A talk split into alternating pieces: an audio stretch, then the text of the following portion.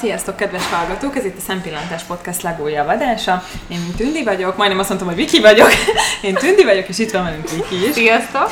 És a mai alkalommal Sanyi lesz a vendégünk. Szia, Sanyi! Sziasztok, lányok! És ugye, hát Sanyi biomérnök, mint most egy pár perc ezelőtt megtudtam, mert én egészen eddig azt hittem, hogy élelmiszermérnök vagy Sanyi, de akkor most már tisztáztuk ezt a kérdést, és azért hívtunk téged ehhez a mai témához, mert hát eredetileg azt a címet találtuk ki Vikivel, hogy bio, nem bio, így szerepelt a kis témalistánkban, de ahogy összeszedtük a kérdéseket, tényleg odáig elfajultak a dolgok, és már és egészen érdekes egészségügyi, és nem is tudom, hogy mondjam, mindenféle ilyen élelmiszermi, élelmiszeri topikokat ö, felvettünk a listára, úgyhogy hát remélem, hogy itt a keresztűzbe, amiben helyezünk, így nem fogod kellemetlenül érezni magadat, úgyhogy vágjunk akkor bele. Jó, hát Sanyi, az első kérdésünk hozzá, itt a vallatás elkezdődik, és hát ugye hát elég divatos ez a bio dolog, tehát hogy én, ugye mindent el lehet már adni abban, hogy bio alma, háromszoros árral természetesen, és rá van hogy bio, és akkor ez baromi menő, meg nem tudom mi van, meg öko, meg bio, meg hát ezek a szavak ugye hát ezek dobálózik mindenki, meg házi, meg ugye. És ugye hát az első kérdésem, hogy mitől bio egy bio? Mire írhatják rá, hogy bio? Ha én otthon te, van egy fám, és arról jönne az alma, akkor az egy bio alma? És mitől? Tehát, hogy ez az egészet járjuk körbe, mert szerintem sokan nem tudják, csak veszik a biót, mert menő. Uh-huh. Igen, igen. Ez valóban így van, ez egy uh, létező folyamat, trend, hogy úgy mondjam, uh, az élelmiszerekkel kapcsolatban, hogy, hogy manapság minden, ami, ami bio, az, az nagyon menő. Uh, Isten igazából A, a, ugye mi itthon biónak szoktuk mondani, vagy ökónak, ez, ez így körülbelül, nem körülbelül, ez a két szó, ez, ez ugyanazt jelenti, tehát ugyanazt a jelölést, vagy ugyanazt a háttértartalmat jelenti. Ugye külföldi, tehát angol nyelvterületen meg ugye ez az organic, ami, ami uh-huh. ugyanezt jelenti gyakorlatilag, de tulajdonképpen mindenhol külföldön ezt, ezt így szokták hívni, hogy organic.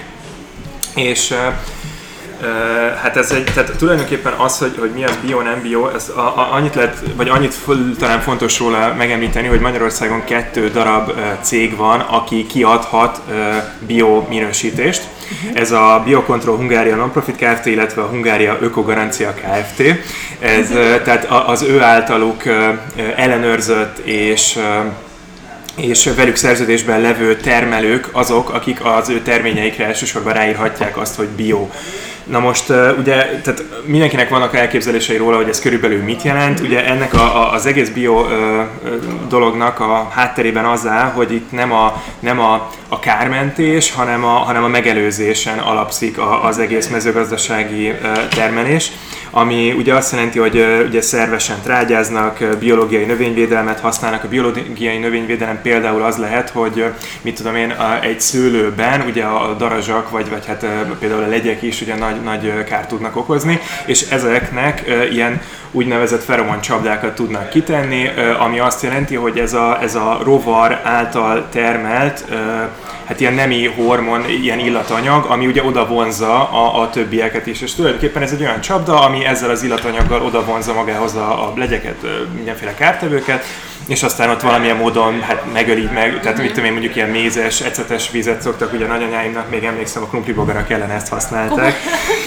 És tehát ugye ez, ez volt ugye a biológiai növényvédelem, illetve a természetes biológiai ciklusokon alapul. Ez, ez is ugye azt jelenti, hogy nagyon sok ugye mesterséges anyagot használnak arra, hogy a, hogy a, a termelést ugye, növeljék a kihozatalt, ellenállóbbá tegyék a növényeket, és ezeknek nagyon sok nagyon sok aspektus abból származik, hogy ugye, hogy ugye monokulturális mezőgazdaság van, ami azt jelenti, hogy egy adott földterületen mondjuk csak búzát vagy csak kukoricát termelnek. Uh-huh. És ez ugye nem egy egészséges, hát hogy mondjam, nem egy természet által preferált állapot, a természet ugye a változatosságot szereti, és tehát például ez, ez a... Ez, a természet. Hát, hogy mondjam, igen, igen. Tehát, hogy, hogy normális esetben nem ember által alkotott területen nem látsz olyat, hogy csak egy hektárnyi búza terem, uh-huh. mert nyilván minden más is van mellette. Tehát, tehát e, ezt is egy ilyen természetesebb módon használják, hogy akkor mondjuk több növényt is egymás mellett alkalmaznak olyanokat, amiknek például nincsenek közös kórokozói. Tehát, hogyha az egyik megfertőződik, akkor ne fertőzze át a másikat. Valamint ugye, amit már említettem, hogy rovar, rovar ölő és gyomírtószereket sem használnak. Ezeket ugye a gyomokat is mindenhogyan, tehát természetes úton próbálják meg távol tartani. A cél sose a teljes elimináció, tehát hogy nem az a cél, hogy egyáltalán ne legyenek gyomok, hanem csak, hogy mondjuk egy egészséges szinten tartani, hogy ne burjánzanak el. És hát a növények rotáció az még egy másik ilyen, ilyen dolog, ami tehát, hogy, hogy egy azon földterületen mondjuk évente mindig mást vetnek be, és mm-hmm. akkor az is segíti azt, hogy, hogy ugye különböző növények különböző tápanyagokat szívnak fel a, a, a, a környezetből, és akkor így sem használ, vagy nem engedik a földet kimerülni. Ugyanígy az állattartáshoz, arról kevesebbet tudok, az állattartással kapcsolatban ott az állatjóléti szempontok, ami egy nagyon fontos szempont, tehát ezekről, a, akik azt mondják, hogy, hogy Hát nem, e- erről nem is kell igazából olyan sok minden, az állatjóléti szempont, tehát hogy, hogy az állatok, hogy mondjam, ne, ne szenvedjenek kellemetlen mm. életet. De ez, ez egyébként tényleg azt jelenti, hogy akkor jobb, ha ilyen bio dolgokat teszünk? Ö, ez, ez ebben több tápanyag van egészségesen? Igen, is, meg nem is. Tehát van, van neki előnye is és hátránya is. Az mhm. előnyök között ugye általában az emberek ezt szokták felhozni, hogy magasabb tápanyag tartalma van, és emellett alacsonyabb károsanyag tartalma. Tehát ugye ezek a növényvédőszerek, uh-huh. rovarvédősz, vagy rovarölőszerek maradványai nincsenek benne, amik ugye hát sokféle tünetet és sokféle elváltozást okozhatnak fogyasztás esetén. Tehát, tehát ez, ez a pozitív oldala, ez valóban igaz, tehát már csak azért is, mert, mert az ilyen biogazdálkodók azok mindig jobban odafigyelnek a termelésre, tehát hogy kicsit inkább azt tudnám hasonlítani, hogy mondjuk nagyanyáink ugye kézzel kapáltak, és, mm. és jó mondjuk ők használtak permetezőszereket, de tegyük fel, hogyha mondjuk nem permeteztek hát volna, igen, hanem... a papa is eléggé nyomatta. Igen, igen, de hogy, de hogy, hogy mondjam, ez az odafigyelés, a megelőzés, ez, ez mind általában azt eredményez, hogy tényleg jobb minőségűek mm. a termékek. Viszont van egy árnyoldala is, amit ami gyakran előfordul, azért nyilván mindegyik gyártó vagy termelő törekszik arra, hogy ezt minimalizálja. Ugye az, hogy, hogy pont a, a, az ilyen gombás, illetve bakteriális megfertőződések mondjuk egy gabona mezőn, azok azok, azok ellen nagyon nehéz permetezés nélkül, vagy tehát ilyen mesterséges permetezés nélkül védekezni, és ez sajnos elég gyakran meg előfordul, hogy ilyen kórokozók megjelennek a búzákon, és ezek bizonyos stresszfaktorok, meg mindenféle hatás vagy behatásnak az eredményeképpen ők toxinokat termelnek, amik uh-huh. viszont mérgezőek abszolút fogyasztás szempontjából. Tehát uh-huh. általában elmondható volt, hogy ezeknek a biotermékeknek az ilyen toxin szennyezettsége az általában magasabb szokott lenni, nem minden esetben, mm-hmm. csak mondjuk, hogy náluk gyakrabban előfordul. Yeah. Tehát ezzel ellen is minél jobban próbálnak védekezni, de ez sajnos egy negatívum annak, hogy nem használják a növényvédőszereket. Én akkor most tökre összezavarodtam. most, okay, most akkor vegyünk biót, vagy ne vegyünk biót? Mit gondolsz te? Te veszel biót, akkor inkább úgy kérdezem. Húha, hát igen, ez egy, ez egy keretkérdés. De tényleg, tehát hogy ilyet is, olyat is, és akkor egy kicsi ilyen mérget is, meg kicsi olyan mérget is esznek. Nem, nem, nem, tehát, tehát továbbra is azt mondom, hogy a biotermékek azért nagy átlagban jobbak. Ah, tehát, csak nem tökéletesek. Tö, igen, tehát hogyha mondjuk nem megfelelő az odafigyelés, vagy valami probléma adódik, akkor uh-huh. ott is, de ez mondjuk előfordulhat más esetben is.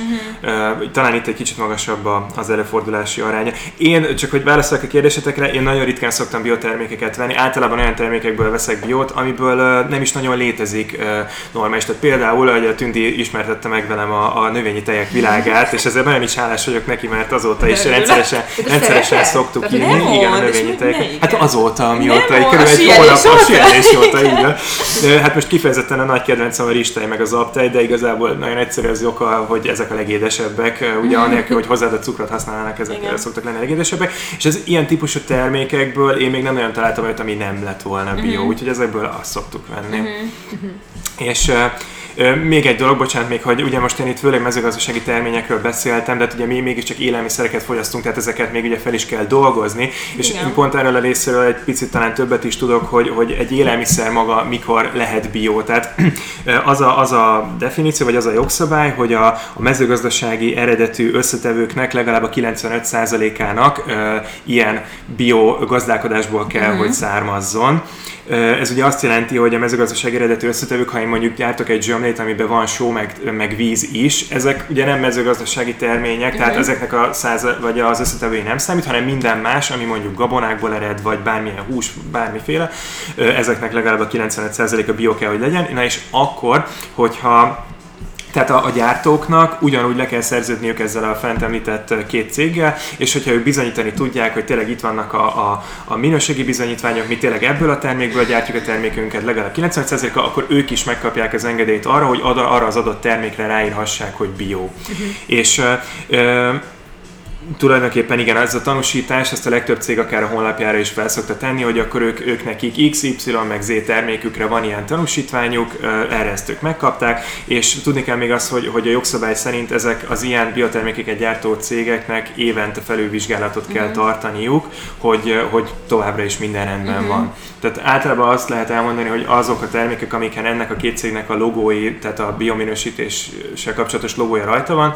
azok azok, mm, azok, tényleg, azok tényleg, tényleg biotermékek, igen. De vannak ilyen hamis tehát dolgok, hogy mégis föltünteti, de, de, de, de, de nem, nem azt szerint, tehát ez el lehet képzelni, mert annyi ilyen van, hogy biót rájönnek, hogy valóban ez egy... Igen, igen, egyébként ez, pont, pont ez is egy ilyen trend, ugye miután észrevették, hogy ez mennyire, hát hogy mondjam, üzleti potenciál, most így gyártóként vizsgálva a dolgokat, hogy a kozmetikumokra is egyre inkább elkezdték ráírni, és például a kozmetikumoknál is létezik ez, hogy bio, tehát a kozmetikumok is azért alapvetően mezőgazdasági terményekből készülnek, hát nyilván más átdolgozást igényelnek, mint az mhm. élelmiszerek, de lényeg az, hogy, hogy sok minden mást is ráírnak, ilyeneket, hogy természetes, meg naturális, Igen. meg tehát vannak ilyenek, na ezek nem azt jelentik, ezek az embereknek azt gondolják, hogy majd így összekötik, de nem, tehát hogy az, hogy bio, vagy öko, vagy organik, ezek azok a szavak, amiket tényleg hivatalosan uh-huh. és igazából az, hogy mi van ráírva, ez majd, hogy de mindegy is, mindig ezeket a plecsneket kell keresni, tehát hogy azok a cégek, akik ezt tényleg megszerzik, ezt a minősítést, azok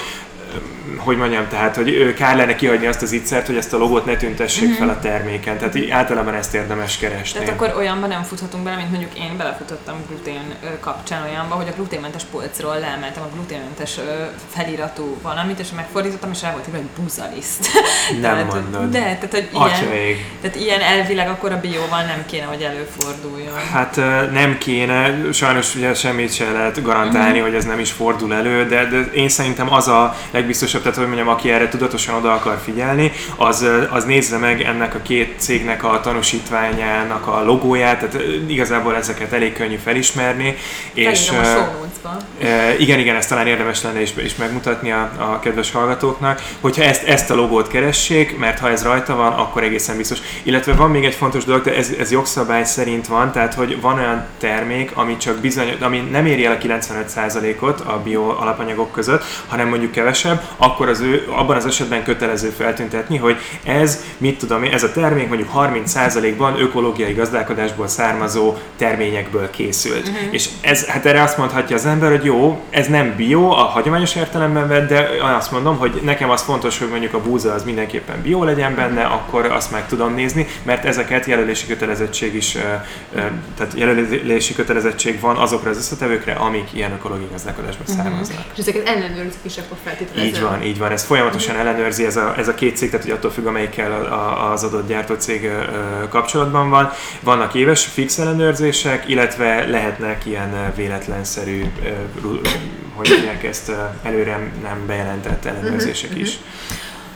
Én azt szeretném kérdezni, hogy ezt több ízben is beszéltük már itt a Mikivel, mikor az adásba készültünk, hogy, hogy mi az, ami, ha most nem csak a bióra uh-huh. tekintünk, vagy szorítkozunk, hogy, hogy mi, vannak olyan összetevők, amit egyébként így élelmiszerek tekintetében mindenképpen kerülni kell. Tehát, hogyha meglátom a hátoldalán a nem tudom milyen felét, akkor dobjam el és rohanjak. Nagyon sok ideig, nem tudom, volt ez a, most már talán kicsit lecsengetés, hogy ha azt látod, hogy E, Igen. akkor még írják, hogy E-mentes összetevőkből. De most megint csak így picit ez is lufinak érzem, mert ki tudja, mert már olvastam olyat is, hogy, hogy ez azért az E az nem feltétlenül egy ördögtől való dolog, illetve kikerülik úgy, hogy nem írják rá, hogy E, hanem a sima nevét írják rá. Uh-huh. Az ugyanaz, mint az E, nem tudom, 356, de hogy, hogy az ember akkor megveszi, mert nem nincs odaírva az E. Nem tudom, hogy ezt alá tudod támasztani, hogy ez tényleg így van. Nagyon a kedvembe jártok egyébként, mert ez még az egyik kedvenc témám ezzel kapcsolatban, mármint az élelmiszerekkel kapcsolatban, az elszámok. Én annak idején az Élelmiszertudományi Kutatóintézetben, amikor dolgoztam, ott volt egy, egy kutatás erről, hogy az embereket kérdőívvel megkérdezték, hogy mi a véleményük az elszámokról. Most nem is tudom, hogy melyik oldaláról közelítsem meg a dolgot. Tehát, hogy a, tényleg az elszámok az, az szerintem is mostanra már egy kicsit lecsengett, de volt azért egy jó pár évvel ezelőtt, amikor, amikor mindenki ezzel marketingelt, hogy a miénk az elszámmentes, és, és hogy tényleg az emberek rettegtek tőle, azt mondták, ha elszám van benne, akkor ez biztos Faj, meghalok tőle igen, azonnal. meg Igen, Igen, ilyen vörös Igen. ezeket kell ülni, és akkor egy nagy lista elszámolból. Igen, na most hát sajnos ez esetben is elmondható, hogy a marketinggépezet nagyon jól működött, ugyanis jogszabály szerint, tehát vannak az élelmiszer adalékokat hívják, tehát minden élelmiszer adalékot kötelező elszámmal ellátni. Ezeknek vannak csoportjaik, ugye az elszámok azok általában három számjegyűek, ebből az első számjegy szokta jelölni a csoportot. Tehát például a, a most lehet nem akarok hülyeséget mondani, de azt hiszem, hogy a hármassal kezdődők azok a savanyúságot szabályozó Aha. anyagok, most csak mondtam valamit. Például az mindenben benne van. Az nagyon sok mindenben benne van, és, és tehát a jogszabály szerint vagy az elszámot kell kiírni, vagy az adott adalékanyagnak a nevét. Tehát vagy-vagy. És hát ugye az egyik legérdekesebb, mindig ezzel szoktam példálozni, hogy ki gondolná, hogy például a C-vitaminnak is van elszáma, mert ugye a C-vitamin az egyben egy savanyúságot szabályozó anyag is, és hú, most hirtelen nem is tudom, de benne van még egy csoportban, most az nem jut eszembe, de lényeg az, hogy az C vitaminnak is van elszáma, azt hiszem, hogy a 330, de lehet, hogy az a citromsáv, nem vagyok benne biztos. És tehát, hogy, hogy ha, ha, ha, meglátja az ember azt, hogy E330, akkor ugye azonnal a szívéhez kap, hogy te jó Isten, és ha valójában tudná mögötte, hogy, hogy a mögötte C-vitamin van, akkor ugye egészen máshogy állna hozzá a dologhoz. És pontosan emiatt a gyártók emiatt elkezdték már egy idő után nem az elszámokat feltüntetni a, a, az összetevők között, hanem a nevét az adott anyagnak. Amihez pedig már a legtöbben kezdenek hozzászokni. Tehát, hogy például, hogyha te veszel egy, egy zsömlét, akkor abban már egészen természetes, hogy van például szódabikarbóna, aminek szintén van elszáma. Uh-huh. Tehát Ö, visszatérve, visszatérve ez a kutatáshoz, amit az elején meséltem, hogy tényleg az emberek rettegnek, és, és alapvetően, alapvetően rossz tulajdonságot ö, ö, tulajdonítanak az elszámoknak, pedig valójában ez nagyon-nagyon nem így van. Eleve az, hogy egy élelmiszer adalék megkaphassa azt a jogot, hogy ő élelmiszer adalékként belekerülhessen egy élelmiszerre, ahhoz nagyon komoly kutató munka és jogszabályi előírás vonatkozik, tehát semmi olyat nem tehetnek az élelmiszerbe, amikről mondjuk bizonyított, hogy káros hatása lenne. Uh-huh. Ö, és éppen éppen ezért azt mondom, hogy az elszámoktól való félelem az abszolút alaptalan. Hát nyilván nem alaptalan, mert az emberek kevesebb információja van a keleténél, akkor, akkor nyilván fél tőle, de, de nem szabad félni abszolút. Tehát ezek mind ellenőrzött és engedélyezett élelmiszer adalékok, amik hát nagyon sok esetben pont azért használnak fel a gyártók, mert tudják, hogy ha ők mondjuk egy színezéket használnak, akkor az ő termékét jobban fogják venni. Ezt egy kicsit pont, pont a másik oldaláról látom károsnak, hogy mi, mint vevők, egyértelműen a pirosabb paradicsomot vesszük le, a, a, a, a mhm. mondjuk ez pont egy rossz példa, de mondjuk akkor azt mondom, hogy, hogy, hogy nem is tudom, nem mondjuk egy, egy bar, de nem, ja, mondjuk a paradicsom az pont nem egy gyártott termék, hanem ja, az egy mezőgazdasági termék. Tehát, hogy mondjuk egy, egy olyan nem is tudom, egy olyan húst fogunk levenni a polcról, ami pirosabb, és azt lehet, hogy csak azért pirosabb, mert mondjuk ö, ö, olyan anyagokat ö, juttattak bele, ami... Uh-huh. Igen, tehát hogy, tehát hogy az a baj, hogy ezt nagyon nehéz megfogni, hogy hol a határ, de mind a két, tehát a marketingnek is, meg a, a fogyasztóknak is van benne felelőssége. És akkor most itt szándékosan nem beszéltem eddig arról, hogy azért nagyon sok élelmiszer előállító visszaél azokkal a dolgokkal, hogy mondjuk beletesz komponenseket, vagy nem annyit, vagy, vagy nem jelöli, vagy nem tünteti fel a csomag csomagoláson. Nyilván ilyen is előfordulhat, de ez ellen az ellenőrzésen kívül nem nagyon sokat tehetnek a hatóságok, de tudtommal azért idehaza nagyon aktívak ilyen szempontból a nébiktől kezdve az OET, tehát hogy ők nagyon szigorúan megnézik, hogy tényleg az adott termék abból készüljön olyan összetevővel, és hogyha ezt a gyártók hát hogyha ha ezt megsértik, az nyilván akkor óriási büntetésekkel és, és szankciókkal jár. De ami fel van tüntetve, és hogyha mondjuk tételezzük fel, hogy egy cég tényleg azt tünteti fel, ami, ami benne van, jó, hát igen, igen, tehát azért mégiscsak ez a, ez a többség, ez a jellemző, akkor ott, ott nyugodtak lehetünk, hogy, hogy ami benne van és fel van tüntetve, az nem káros. És akkor ez a nem tudom, ilyen például savanyúságot szabályozó anyag, azt inkább mindenben látom, meg valami gumi, nem tudom micsoda. gumi. Igen, szantán gumi. Mert szörnyen hangzik egy. Szörnyen hangzik, és hogy... Meg gumi, ugye? Ez még, ez még egy fekete listás. Tehát, igen. hogy, hogy nekem ettől elmegy a kedvem, ha ezeket, ezeket meglátom. I- igen. Tehát ez nem rossz, vagy színezék. Színezék, én attól is nagyon rosszul vagyok. Nem szívesen veszem meg. Igen. Nem azt mondom, hogy nem veszem meg, mert biztos, hogy veszek olyat. Igen. De hogy, hogy szerinted ezek nem károsak? Hát a, xantángumi meg a guargumi is egy alapvetően egy állagjavító anyag, amik poliszaharidok, tehát ezeket természetes anyagokból vonják ki, például azt és nem akarok nagyon nagy butaságot mondani, de azt hiszem, hogy algából vonják ki például a, a guargumit. Tehát, hogy ezek tény az, hogy nem a hagyományos értelembe vett élelmiszeripari feldolgozási technikákon mennek keresztül, mert ezeket extrahálják, tehát ezek már inkább mondaná az ember ilyen ipari eljárásoknak, Hát de, de az, meg vannak olyanok, amiket ugye mesterséges módon szintetizálnak, tehát ugye úgy állítják elő az adott anyagot.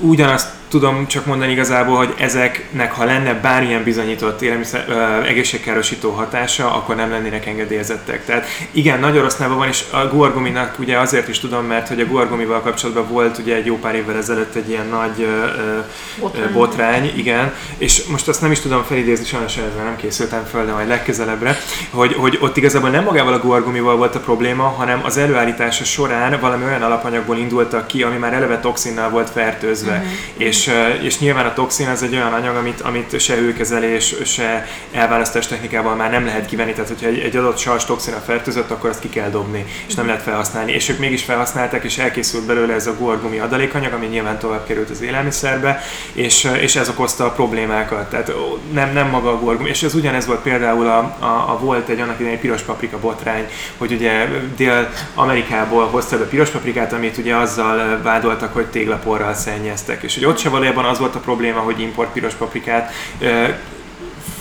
de az is probléma volt, bocsánat. Tehát az is probléma, hogy import paprikát forgalmaztak úgy, mintha hazai lett volna, de valójában a probléma az az volt, hogy a színezése miatt téglaport kevertek bele. És hát ezekből az em- sajnos, hogy ezekből a botrányokból nagyon kevés tehát hogy mondjam, a- az okokból kevés szokott eljutni a fogyasztókhoz, hanem ők csak azt mondják, hogy, hú, rossz volt a piros paprika, soha többen nem veszek piros paprikát, vagy rossz volt a guargumi, akkor mostantól nem veszek guargumit. Ö, nem, nem, nem, tehát ezek, ezekkel alapvetően nincsen baj. Mégis ennek ellenére tényleg azt gondolom, hogy, hogy mert önkéntelenül is én is úgy vásárolok, hogy nézem, nézem az összetevőket. Szóval ez is szerintem egy ilyen nem, hogy nézem, hogy mi van benne, és minél kevesebb vagyok. Tehát, hogyha normálisan ott van, hogy nem tudom, hogy normális összetevők, de ha már látom, hogy Santán, Goar, E150, E100, akkor melyik szó, hát biztos, hogy megveszem. Igen. Ezzel egyetértek, mert tehát azok, akik tudatosan választanak élelmiszert, azok, hogy mondjam, azért úgy, úgy ők, ők szokták venni a fáradtságot arra, hogy tényleg alaposabban utána járjanak, hogy egy-egy anyag mit jelent. És, ö, és én ezt egy abszolút üdvözlítő tendenciának tartom, mert, mert igenis fontos, hogy, tehát, hogy az, hogy, hogy mi, mint vásárlók, mi, mint fogyasztók, mit igénylünk meg, és mi az, amit megvásárolunk, azzal tudjuk befolyásolni azt, hogy mit gyártsanak. Mert ha látják, hogy, hogy az emberek nem szeretik az adalékanyagokat bármilyen okból kifolyólag, akkor igyekeznek olyan termékeket fejleszteni, tehát én ezt egy pozitív folyamatnak Igen, csak az a tartom. baj, hogy az emberek azért legfőképpen az olcsóságot szeretik, Igen, és ezért, Magyarországon ez így van. A leg, legfőbb vásárlási szempont az az árérzékenység. és ez, ez, ez, tényleg ez így van. gáz. Mondjuk, nem tudom, ez biztos, hogy egyetértettek, hogy ugye régebben mindig mondják is, hogy nem volt ennyi hasfájós, nem volt ennyi probléma, nem volt ennyi, tehát tényleg ami gyomra, szinte mindenkinek rossz, Hát, már mert 30 effektíve évesen. azt is mondják, hogy jobb minőségűek voltak az élelmiszerek. Igen, és ugye neked erről mi a véleményed? Ez, ez nem valóban volt annyi így plusz van. anyag talán, ami benne belekerült, nem? Ez, ez két, két folyamat, amit mondotok, ugye az első Viki, amit mondtál, hogy, hogy régen nem voltunk ennyire betegesek. Igazából erre meg én azt tudom mondani, hogy viszont régen nem is éltünk ilyen sokáig, mint, mint manapság. Tehát, hogy az a várható átlag életkor is növekedett, a diagnosztizált technikák is. Tehát, hogy mondjam, tehát nekem például a nagypapám, tudom, hogy, hogy egy olyan betegségbe halt meg, ami egyértelműen ahhoz volt köthető, hogy ő nagyon sokat permetezte a szőlőt, és hogy ő olyan permetet használt, ami végül, végül e, e, igen, ez, ez okozta neki a halálát. És, és hogy, tehát, hogy például azt a permetezőszert ma már nem engedélyezik. És tehát minden olyan dolog, amire rá tudják bizonyítani tudományos kutatások által, hogy ez valamilyen módon károsítja az egészséget, azt előbb-utóbb azért kivonják a forgalomból. Viszont ezzel ugyanígy párhuzamosan megy az a folyamat, hogy, hogy új anyagokat is, meg új alapanyagokat, meg új technológiákat is találunk, és, és folyamatosan fejlődnek, amikből hát könnyen lehet, hogy azért néha olyanok jönnek, amik, amik nem okoznak jót. Az a baj, hogy tehát ilyen, ilyen népegészségügyi szempontokban nem vagyok annyira otthon. Uh-huh. Viszont a másik megtűnni, amit te mondtál, hogy ugye régen mindenben nagyobb volt a, a vitamintartalom, meg több volt a tápérték, ez is sajnos egy létező te- tendencia, én azt látom, hogy, és ez pont ez a nagy nagy, nagyipari földművelésnek a, az eredménye, hogy, hogy most már nem az, a szá, nem az számít, hogy az adott terméknek milyen a tápértéktartalma, hanem hogy minél több legyen belőle, minél nagyobb legyen, minél pirosabb legyen. És, ez, és ezért tovább. műanyagokat? Vagy egyébként műanyagokat teszünk? Mert ezt is egy csomószor ilyen, tehát én azt gondolom, hogy a népembere sokszor találkozik ezzel, hogy, hogy nem jó, igen, hogy nem jó minőségű műanyag, minden. Ja, ja, jó. ja értem, tehát nem, nem konkrétan ez csak egy ilyen ali, vagy igen. metafora arra, hogy... Beoltják mondjuk a csirkét, hogy szebb legyen, beoltják a gyümölcsöket, és egy olyan anyagot fecskedeznek be, ami meg káros. Hormon, mit tudom én. Igen. És megnézni, hogy ez igaz, nem igaz. Hát bizonyos esetekben igaz, tehát um, sajnos ezzel kapcsolatban se tudok nagyon sok ö, újat mondani. Az biztos, hogy, hogy a, mondom, a mezőgazdasági terményeknek a tápérték tartalma az valóban igazoltan csökken mm-hmm. folyamatosan. Ö, viszont pont ennek megfelelően elindult, tehát hogy mondjam, erre is reagálnak a, az élelmiszergyártók legalábbis, ö, hogy mondjam, ahol egy kicsit tudatosabban, meg, mm-hmm. meg felelősebben állnak ehhez a témához, ott ugye elkezdtek már olyan ö, nemesítésekkel foglalkozni, hogy akkor tényleg ez legyen a szempont, nem pedig a nem pedig a, a, a termelékenység, hanem a minőség. Mm-hmm. És, és én is úgy, tehát én úgy gondolom, hogy tehát van az egyik oldalról az, hogy ugye a, a, az emberiségnek azt hiszem, hogy a, nem akarok butaság mondani megint, de hogy valahogy ilyen, ilyen egész magas százaléka, talán ilyen 70 százalék körül éhezik, míg a másik oldalról pedig ugye nem tömeget, hanem mennyiséget is kéne gyártani. Tehát hogy ezt a kettőt azért nehéz egyensúlyban tartani. Hát igen, igen. Én azt gondolom, hogy abban a szerencsés helyzetben vagyunk, visszatérő a kérdésre, abban a szerencsés helyzetben vagyunk, hogy, hogy elérhetőek manapság a tömeggyártott alacsonyabb minőségű termékek is, és a magasabb minőségű, uh-huh. odafigyelt termékek is nyilvánvalóan magasabb áron, és ez mindenkinek a saját döntése. Szerencsére, hogy a saját döntése tud lenni, hogy melyiket választja, és nincs rákényszerítve egyikre se. Úgyhogy én ezt egy, egy pozitív dolognak látom alapvetően. Igen átérhetünk a savas lugos témakör rögzöldre, vagy van-e még itt a bióban? Nem, Bio? én a bio, biót azt lezárom, nekem nincs több kérdésem. Na tehát akkor savas lugos rögzöld téma, ami ugye, hogy most, most, akkor, most akkor fontos lugosítani, vagy nem fontos, most hogy kell egyáltalán, ez, ez az egész úgy jutott eszembe, hogy hétfőn mentem edzés, és vettem a DM-be egy lugosított ásványvizet, mert a nővéremnél hagytam a kis kulacsomat, amiből mindig inítettem, és akkor gondoltam, hogy egy szomjas leszek edzésen, és akkor néztem, hogy hm, itt van ez a, ez, ez kipróbálom, igaz, hogy 269 forint egy liter víz, semmi baj, ez olyan jól hangzik, kipróbálom, és akkor utána elgondolkodtam, hogy ez most lehet, hogy nagyon nagy hülyeség volt, és akkor, és akkor most szeretném, szeretném ezt kinyomozni, hogy akkor mi a helyzet, úgyhogy gyorsan fel is írtam a papírra, hogy akkor ezt mindenképpen meg kell ma kérdezni igen, tőled. Hát ami a lugosítást illeti, ugye ez egy 1980-as években megjelent könyv, amit Robert Írt, PH Csoda, ez volt a könyvnek a címe, tehát ez indította el ezt az egész dolgot. Ugye ő, ő arra vezette vissza az egészet, hogy a, hogy a nem megfelelő táplálkozás, illetve a, a, a, a stressz, meg tehát hogy a, a rossz életmód az a sejtek bomlását eredményezik, és ennek megfelelően, ahogy a sejtek elkezdenek bomlani, ők még több Ja igen, tehát hogy a rossz táplálkozás alatt ő a nagyon savas táplálkozást értette, és ugye a sejtek bomlása során ugye még tovább savasítják a már így is savas belső környezetet, és ennek megfelelően megjelennek a baktériumok, élesztőgombák, majd a penész a szervezetben, és ezek a mikrobák elkezdenek mérgeket termelni, amik tovább pörgetik az egészségügyi romlás ördögi körét. És tehát igazából ő egy, egy egy nagyon-nagyon egyszerű képletre leredukálta azt, hogy, hogy miért betegszünk meg. És hát uh, nyilvánvalóan uh, elég nagy port kavart, nagyon sokan elkezdték követni, és ugyanúgy nagyon sokan elkezdték bizonyítani, hogy az egész valójában nem így van. És hát most arra azért hál' Istennek eljutottunk már oda, hogy, hogy tudományos bizonyítékok vannak arra, hogy az egész egy óriási baromság.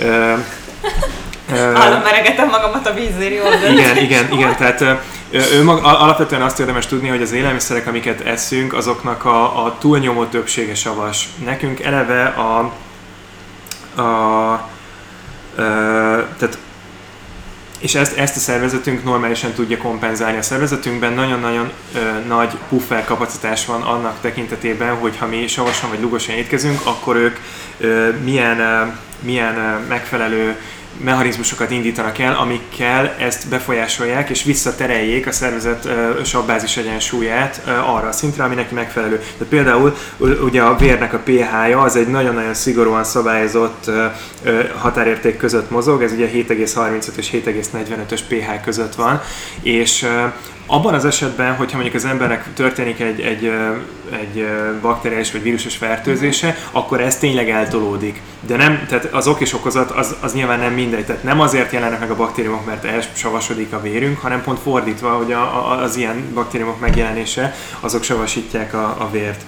És tehát igazából van még egy jó példa erre, Ugye, hogy e- ebbe a könyvbe azt írták, hogy az állati fehérjék fogyasztása az, az, az nagyon erősen savasítja Igen. a vizeletet. És ez azért ugye nagyon érdekes, mert hogy mert hogy a, a, tehát az ilyen fehérjék, az állati fehérjék fogyasztása az valóban fokozza a veses sav ellátó, eltávolító képességét, viszont ugye a vizelet pH-ja az meg olyan, hogy tehát a vizelet az így is úgy is távozik, annak tök mindegy, hogy milyen a, a pH-ja, mert az távozik. Tehát pont az van, hogyha mondjuk valamiből túltengés van a szervezetünk, akkor azt oda kiüríti, majd, majd azt kiürítjük a szervezetből. Tehát, hogy ez is egy szabályozó mechanizmus, és ő pedig pont, tehát e, e, ez az immunizmus könyvben pont az ellenkezőjét nézték, hogy ők arra azért gondolták, hogy a szervezet szervezetünk is savas, mert, mert savas a vizelet. Uh-huh. Tehát az pont azért az, hogy a szervezet ne legyen az. Uh-huh.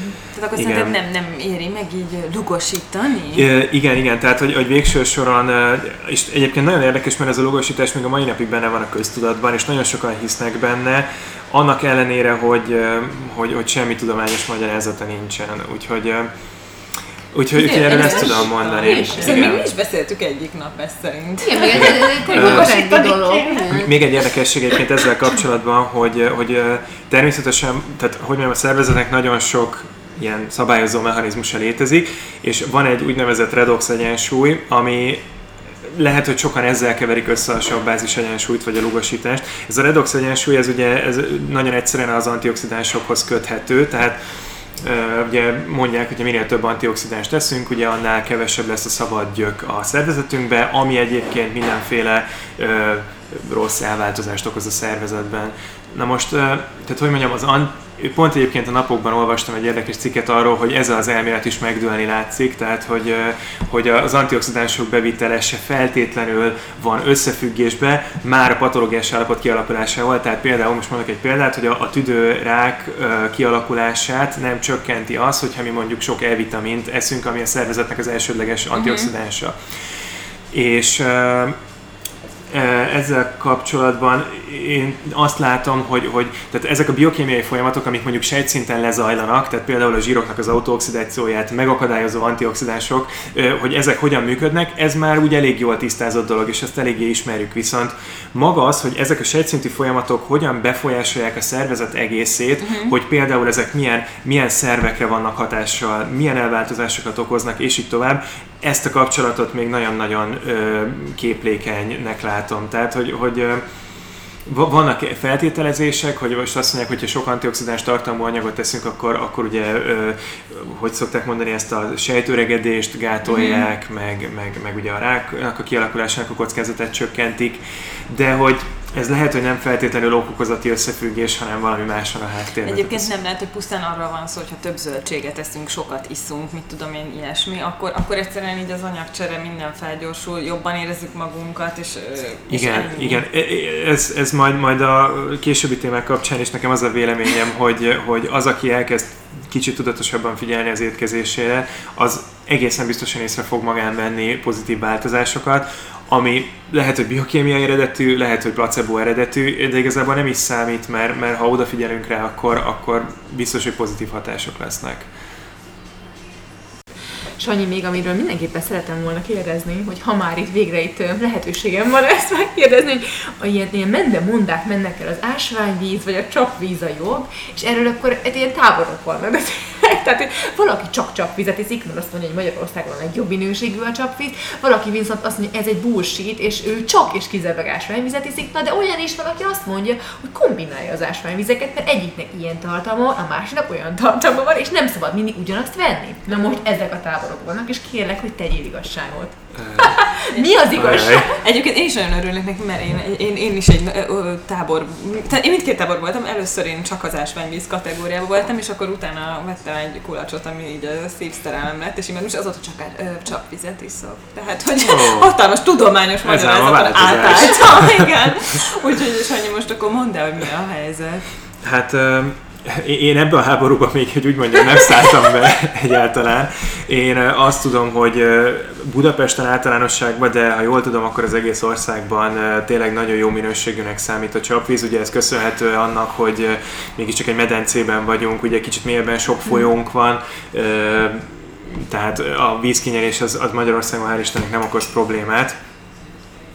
Viszont és, és ami, ami a csapvizet illeti, azt hiszem, hogy tehát megint csak budapesti példát tudok hozni, de azt tudom, hogy a fővárosi vízműveknek a honlapján ö, minden kerületre lebontva meg lehet nézni, hogy az adott kerületben milyen a csapvíznek a minősége, elsősorban ugye a keménység, illetve néhány fontosabb ö, keménységet befolyásoló, befolyásoló komponens tartalmát a víznek, és ha jól tudom, akkor, akkor bármikor lekérhető a vízművektől az adott hónapra vonatkozó minőségi bizonyítvány, hogy, hogy éppen uh-huh. milyen tartalma volt a víznek. Ez mondjuk magánszemélyeknek nem annyira érdekes, ez főleg élelmiszer előállítóknak lehet fontos, akik mondjuk ugye a vizet, mint alapanyagot használják föl valamilyen termék előállításához, és, és nekik ugye nem mindegy, tehát nekik nagyon fontos tudniuk, hogy milyen összetétel van. Ez például egyébként a sörfőzésnél rendkívül oh, fontos. Igen, és ezzel is feltétlenül akartam térni rá.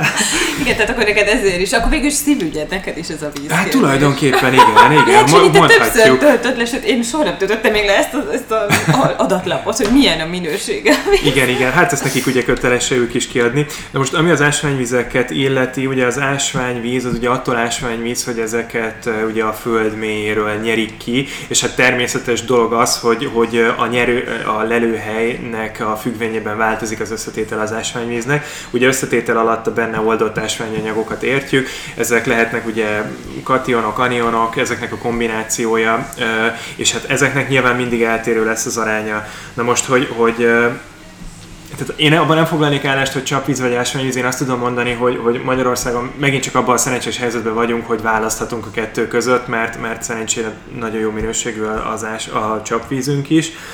Az ásványvizek pedig pedig tehát szintén sok ásványvíznyerő lelőhelyünk van, ahonnan lehet ezeket a termékeket venni. És tehát, hogy ami a, a ásványvizek változatosságát illeti, tény az, hogy, hogy hogy vannak olyan, tehát például a kálium-nátrium arány, ami ugye nagyon fontos a szervezetben, ugye ez idegi működést befolyásolhat, illetve még akár a, a vérnyomásra is kihatása van. Tehát, hogyha vannak olyan ásványvizek, ahol ezek mondjuk nagyon meg vannak borulva ezek az arányok, akkor azt érdemes ugye kompenzálni. Erre most én konkrét ajánlást nem fogok tudni mondani, de úgy tudom, hogy azért az ásványvizeknél is megvan minden, minden egyes komponensre megvan az a tólig arány, amin belül kell tartaniuk. Tehát, hogyha a nyerőhelyen, víznyerőhelyen azt tapasztalják, hogy valamelyik komponens túl alacsony vagy túl magas, akkor azt valamilyen módon nekik kompenzálniuk uh-huh. kell. És mhm. szerencsére erre is megvannak már manapság az ilyen ioncserélős technikák, hogy, hogy mondjuk csak azt az egy komponest specifikusan ki, kivegyék vagy beletegyék az ásványvízbe. Én, én laikusként amúgy azt gondolnám, hogy biztos jobb egy ásványvíz, mint egy csapvíz, de hogy, hogy, hogy ez, ez egy nem feltétlenül igaz. Annak ellenére én jelenleg most hónapok óta csak-csak vizet iszom. Tény az, hogy az ásványvizek ásványanyag tartalma jelentősen magasabb, de azért van a csapvízben is. Tehát, hogyha az ember, megint csak azt tudom mondani, hogy ha minőségi élelmiszereket fogyaszt, és, és megfelelő ásványanyag bevitele van, akkor nem feltétlenül szükséges az ásványvizet uh-huh. írnia. Egyébként tény az, hogy én is jobban szeretem az ásványvizet, főleg a szénsavasat, de ugye az meg egyszerűen csak a, az érzete miatt. Meg, meg ugye anyukám mesélte, hogy ugye ők annak idején csak savanyú víznek hívták ezeket az ásványvizeket, mert ugye ettől a sok oldott ásványanyagtól savanyúvá vált uh-huh. az ízük és hogy, hogy ők, ők nagyon sokáig nem is ismerték ezt az ásványvíz fogalmát, és gyakorlatilag akkor került be a köztudatba, amikor ugye ezeket elkezdték széndioksziddal vagy szénsavval dúsítani, azzal, azért, hogy ilyen frissítőbb hatást keltsen. És uh, ugye meg, még csak annyi, hogy ugye anyukám a Balaton felvidékről származik, és ugye például Balatonfüred nagyon híres a, a, az ilyen forrásairól. Ugye Balatonfüreden belül három ilyen forrás is létezik, és ugye ott is az az érdekessége, hogy, hogy ezek a vizek, hogyha egy kicsit több ideig tárolod ezt a vizet mondjuk egy műanyag flakonban, akkor elkezd narancssárgává változni belül. Ugye azért, mert a benne oldott, annyira magas a benne oldott vastartalom, hogy, hogy az kicsapódik, és, és ott látszik is, hogy ezek között a kutak körül mindenhol, ahol erre elfolyik a víz, ott ilyen vöröses színű a környezete.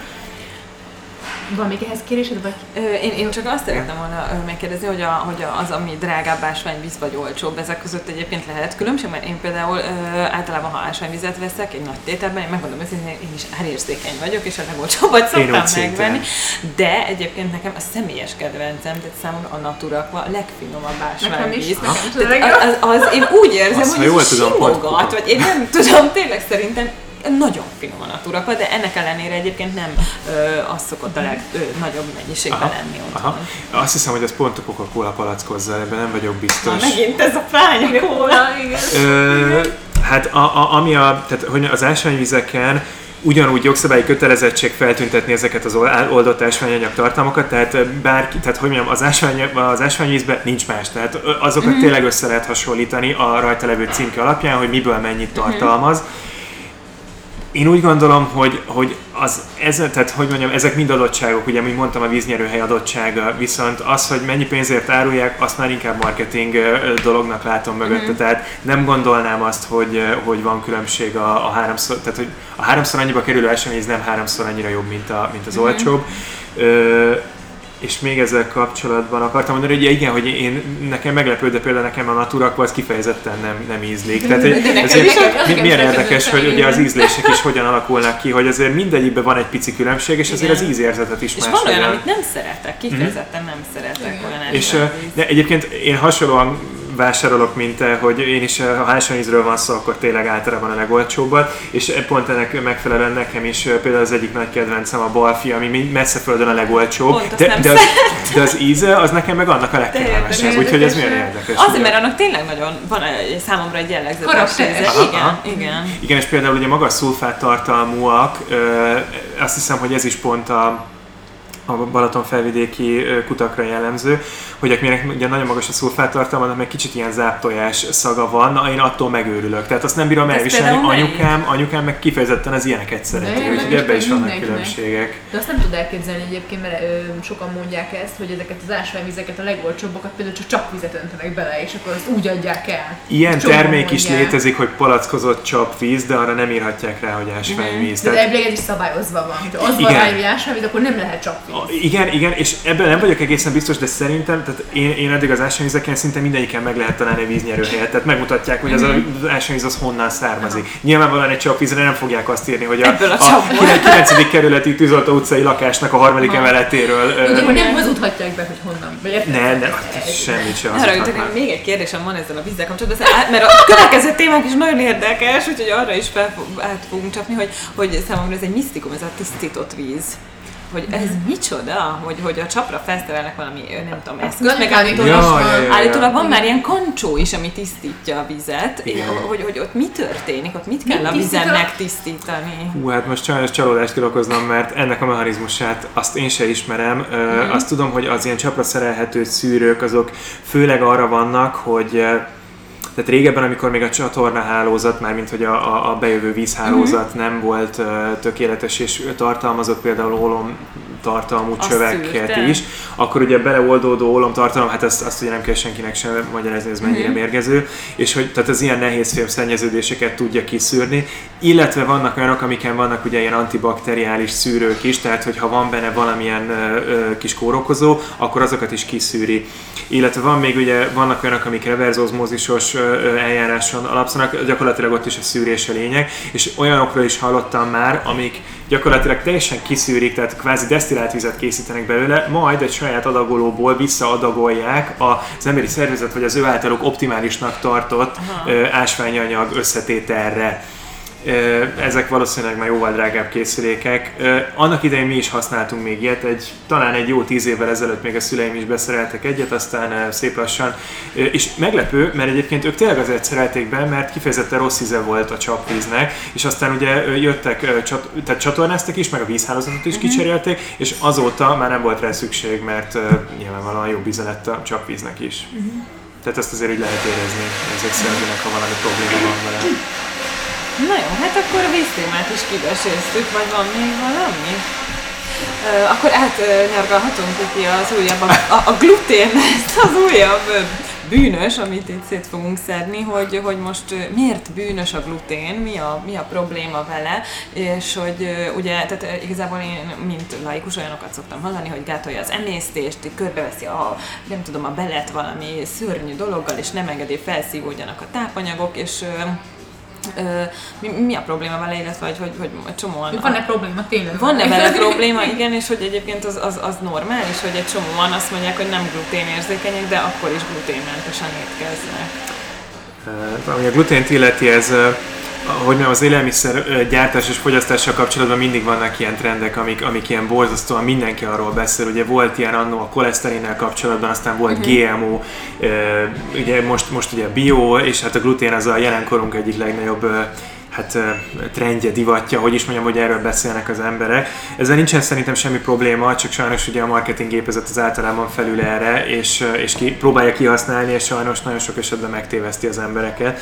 A gluténről azt érdemes tudni, vagy nem tudom, hogy kezdhetem-e onnan, hogy egyáltalán a gluténről beszélek egy pár szót. A glutén az ugye egy fehérje frakció, ami azt jelenti, hogy hogy hogy tehát a fehérjék közül ez egy fehérje típus, ami megtalálható a bizonyos gabonafélékben, és ez egy olyan fehérje, ami allergén, allergiás reakciót tud kiváltani az embereknél.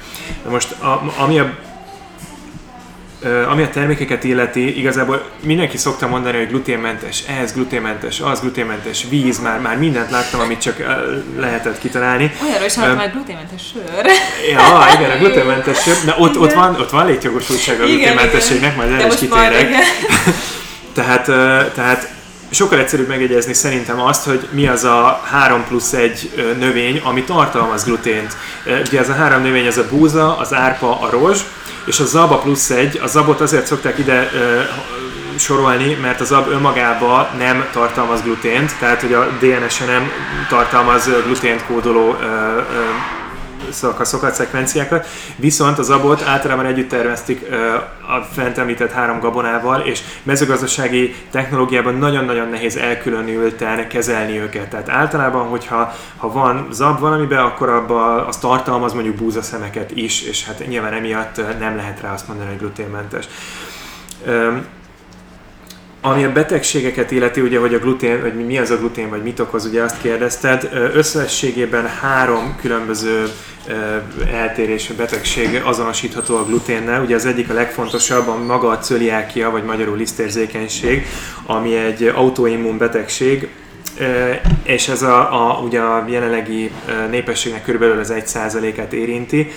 Ez egy, ez egy tényleg ez egy létező és nagyon komoly betegség, ami a gluténnek a legkisebb jelenléte is óriási problémákat tud okozni a, az erre érzékenyekre. Ami nagyon érdekes, hogy az, hogy az, hogy azon túl, hogy ez egy autoimmun reakció, ezen kívül az orvosok se nagyon tudják a hatásmechanizmusát. Tehát ugye beszélnek arról, hogy ugye legyalulja a bélbolyhokat, ez szokott lenni az ilyen leggyakoribb, amit mondanak. Tehát, hogy nyilvánvalóan, hogyha valakinek megsérül a, a, a bélbolyhai, ami ugye alapvetően a tápanyag felszívóásáért felelősek, akkor, akkor ott nagyon komoly emésztési problémák fognak fellépni, mert egyszerűen a, a elfogyasztott táplálékot nem tudja a szervezete felszívni, nem tudja hasznosítani. Tehát ez ezeknél az embereknél óriási problémát okoz, és ők ugye mindenképpen teljes mértékben gluténmentesen kell étkezniük, majd erről is beszélek, hogy ez hogy oldható meg. Ugye van a következő, ja igen, de amit még akartam mondani ezzel kapcsolatban, hogy, hogy ennek a viszont a, a pontos hatásmechanizmusa még a mai napig nem ismert, tehát nem mm. tudják összefüggésbe hozni. Vannak olyan elméletek, ugye, hogy, hogy mivel ez egy, egy, egy gluténfehérje rátapad a bélfalra, és ezt ugye a mi szervezet, vagy azoknak az embereknek a szervezete ezt egy összekeveri egy olyan anyaggal, ami egy kórokozó, és éppen ezért ráküldi a fehérvérsejteket, ugye ez egy immunválaszt generál, és ez általában gyulladással jár. Tehát egy ilyen gyulladás az teljesen normális dolog, akkor, amikor az ember tényleg egy fertőzéssel szenved, viszont ez, hogyha te folyamatosan fogyasztod a glutént, akkor ezek folyamatosan a gyulladásba fogják tartani a beleket, és valószínűleg ez okozza végül a bélbolyhok elhalását. Uh-huh. Tehát, de ez egyelőre még csak egy elmélet, ez, ez minden lehet, hogy ennyire nem is kellett volna részletesen belemennem, bocsánat. Na, csak gyorsan tovább, a, ugye a következő az a búza vagy gabona allergia. Ilyenkor a tüneteket nem a glutén, hanem a búza más fehérjéi okozzák, ezek lehetnek az amiláz, tripszin inhibitorok, gliadin. Ez van nekem. Tehát nekem ugye búza érzékenységem van. Aha, aha, igen, igen, tehát ez már jóval több embert érint, ez, a, ez az adott uh, dolog. Na ez az, amiről még kevesebbet tudnak, és ráadásul, ha jól tudom, uh, ennek még a, a diagnosztikai módszere is egészen kiforrottak, tehát hogy lehet, hogy ezt nálad így megállapították Nem, valamilyen ilyen, faktorokból, ilyen, de lehet, hogy, hogy később ezek vizsgálati módszerek még fejlődhetnek annyira, hogy, hogy esetleg specifizálni tudják. Uh-huh. És, és akkor emellett még van egy harmadik, amit úgynevezett nem cöliákiás gluténérzékenységnek szoktak mondani. Na ez az, amiről még kevesebb információnk van. Ez, ez tulajdonképpen egy ilyen glutén tartalmú élelmiszerek kapcsán felépő tünetegyüttest jelöl, ami, ami az előző kettőre nem ráhúzható. Na, e, e, erre meg ugye vannak olyan durvább esések, hogy ez már akár az népesség 60%-át is érintheti. Tehát akkor valami baj csak van ezzel a gluténnel? E, tehát, hogy mondjam, én nekem erről az a véleményem, hogy igen, biztos, hogy, hogy vannak olyan emberek, akiknél ezek az anyagok problémát okoznak, e, e semmi kétségem nincsen, viszont, viszont én nagyon, tehát hogy mondjam, arra gondolok, hogy, hogy az ember feltételezi magáról, hogy ő erre érzékeny, elhagyja. Az azt jelenti, hogy elhagyja, hogy elkezd sokkal tudatosabban étkezni, sokkal jobban odafigyelni, hogy mit teszik, és ez óhatatlanul is előbb-utóbb azt fogja eredményezni, hogy, hogy javul az állapota, és, és akkor ő ezt, ezt be tudja ennek. Tehát, hogy nem rossz dolog az ön diagnosztika, de szerintem ha az embernek felmerül a, a, a kérdése, hogy, hogy ő lehetséges, hogy beletartozik valamelyik fent említett csoportba, akkor mindenképpen érdemes egy gastroenterológussal konzultálni. Ők lesznek azok, akik, akik pontosan meg fogják tudni mondani, hogy, hogy mondjuk mi az, amit érdemes az embernek magán kipróbálnia, mert például ezek a tesztek, ezek nem működnek akkor, hogyha te, te azt gondolod magadról, hogy glutén, érzékeny vagy, és azt mondod, hogy egy hónapig elhagyom a glutént, majd az egy hónap után elmész az orvoshoz, és megkérdezed, hogy, vagy megkérdezed, hogy csináljanak rajtad egy tesztet, akkor lehet, hogy ez egy fals negatív eredmény lesz, mivel te egy hónapja nem eszel meg glutént, és a szervezetben nem termelődik olyan ellenanyag, amit mondjuk ki tudnának mutatni. Tehát, ez, Én imádtam a vizsgálat előtti napokat, mert mindent kellett tenni, mindent. Aha, na, hát ez valószínűleg Egy hétig ilyen habzsítősi volt, és fantasztikus volt. Én toltam a karbonárát, tojás, tejszín, minden jöjjön, csak, csak hogy, hogy legyen. Igen, igen, ugye ezek mind allergiás. Amúgy egy csomó helyen akkor ezek szerint erre tök jó, hogy odafigyelnek, hogy elmondják, hogy egyél előtte mindent. Igen. De ezt akartam kérdezni, hogy én úgy emlékszem, hogy bár szerintem mutattam neked is a saját eredményemet, hogy ugye a durumbúzára nekem nem jött ki az létezik, és a sima búzára meg igen. Igen, ez pont ez, ennek lehet az oka, hogy a durumbúza is tartalmaz glutént, de lehetséges, hogy a tetüneteidet nem pont a glutént ö, okozza, hanem valamilyen más. Tehát ugye egy gabonának millióféle fehérjéje van, meg igazából bármilyen élő szervezetnek nagyon-nagyon sok fehérjéje van, és ebből lehet, hogy ebből a millióból te csak kettőre vagy érzékeny, ami éppen nem a glutén, hanem valami más, ami mellette van, mm-hmm. amit ez például lehet, hogy nem tartalmaz. Tehát, Jó, hogy hát ezek, ezt, ezt sajnos csak ennyivel lehet magyarázni, ez jelenleg itt tart a, a, a tudomány.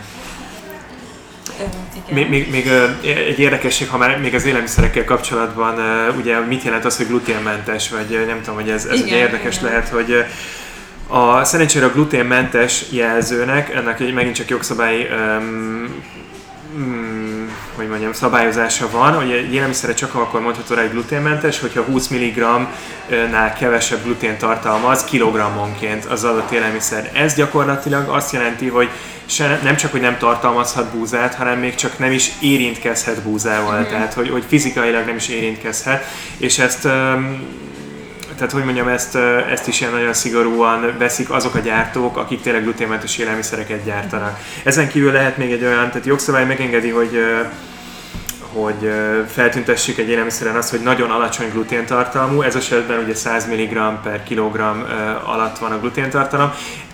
Ez a glutén, tehát a hagyományos celiákiásoknak nem elfogadható, viszont például egy, egy hozzád hasonlóan diagnosztizált búza vagy gabona allergiás személynek akár ez még beleférhet. Uh-huh.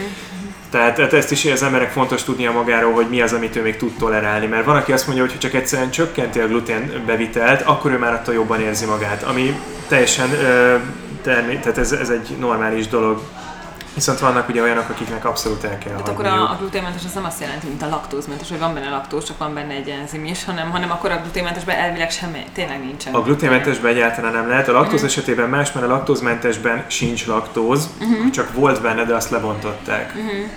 Meg egyébként még azt is egy fontos dolognak tartom tisztázni, hogy az élelmiszer allergia és az élelmiszer intolerancia az két rendkívül különböző De dolog. jó, hogy kitérsz, mert ezt még szerettük volna kérdezni, úgyhogy mondd csak. Ö, tehát, hogy, tehát, hogy a- amiről én az elején mondtam, a cöliákia, az egy allergia. Tehát ott egy immunválaszt ad a szervezet arra, hogyha egy adott komponens bejut. Ilyenből, hát ez a leghíresebb, most hirtelen nem is tudnék másokat mondani, de ebből ö, sokféle van. Miközben egy, egy ö, élelmiszer intolerancia, az például mint egy laktózérzékenység, az pedig azt jelenti, hogy a szervezet nem vált ki immunreakciót, viszont olyan nem kívánatos elváltozásokat okoz, ami, ami valamilyen módon megnyilvánul a szervezetben. Tehát ez nagyon fontos, hogy az immunrendszer az, az be, hogy mondjam, benne van a képbe vagy sem, amikor ilyenekről Tehát a, a, mondjuk a cöliáki esetében akkor, hogyha a glutén teszik, az már neki ilyen méreg kategóriában Gyakorlatilag igen, igen. Tehát ez egy gyulladást okoz a szervezetében, és hát végül, ugye ez, hogyha hosszú távon fennáll, akkor, akkor ez komoly felszívódási problémákat is okozhat. Mhm. És akkor ezeket az immun, na immun, ezeket az allergén dolgokat, hogy én akkor mindig, mindig nézem ugye, hogy miben mi van, és akkor ez egy ilyen standard dolog, hogy az egyes, a hárma, mit kell kerülnöm? Egy-három hét. egy-három hét. Egy-három hét az, Igen. ami a, nálam a tiltó listás Ezt én most meg is mondom neked, mert készültem. Az 1-3 hét az egyes a glutén, a 3 az tojás, a 7 pedig tej és abból készült termékek. Igen, Igaz? Igen, igen, igen. Tehát igen, erre is van egy, van egy egységes szabályozás, egy jogszabály, ö, ahol 14 különböző élelmiszer allergén van definiálva. Ezek jelöléskötelesek. Ez azt jelenti, hogy ha egy ilyet tartalmaz az élelmiszer, vagy akár csak kapcsolatba is kerülhetett vele, akkor ezt feltétlenül fel kell tüntetni a csomagoláson. Ezek például ugye az egyes számú a glutén, ugye a hármas, amit mondtál, a tojás, aztán egy diófélék, zeller, mustár, puha testűek, igen, diófélék, tehát ezek, ezt lehet, hogy mondtam is. Tehát ezek, ezek mind olyanok, amik, amik olyan allergének, amik immunreakciót válthatnak ki. igen. Igen. Érdekes, és akkor ez nemzetközi? Igen, ez- ez Ezt abszolút- Mindenhol hát- nézhetem? Az a baj, a nemzetközi esetén ugye mindig az EU-s jogszabályokra hivatkozom, tehát az EU-ban biztos, hogy ö, így van ö, jelölve, hát sajnos a többit azt azzal nem vagyok egészen tisztában. Tehát én azt hittem, hogy itt jó, terjengősen mindenről beszéltünk, szerintem mindent érintettük, amit szerettünk volna megkérdezni, és Sanyitól viszont pont ugye azért jeleztük a Tündivel, hogy, hogy még, még azért szeretnénk erről hallani, mert még millió kérdésünk lenne, de egyelőre akkor ennyi legyen szerintem mára. Biztos, hogy mindenkinek voltak nagyon érdekes információk, amiket esetleg nem tudhattunk. Úgyhogy nagyon szépen köszönjük, hogy eljöttél hozzánk ismételten, Sanyi, és akkor majd legközelebb is várunk nagyon sok szeretettel. Köszönöm Igen, hát szépen a aztán nekem már meghívást. nagyon hasznos volt, Igen. és, remélem, hogy másoknak Hát is. reméljük másoknak is. Hallgatóknak is köszönjük, hogy velük, volt, velünk voltak, és sziasztok! Sziasztok! Sziasztok!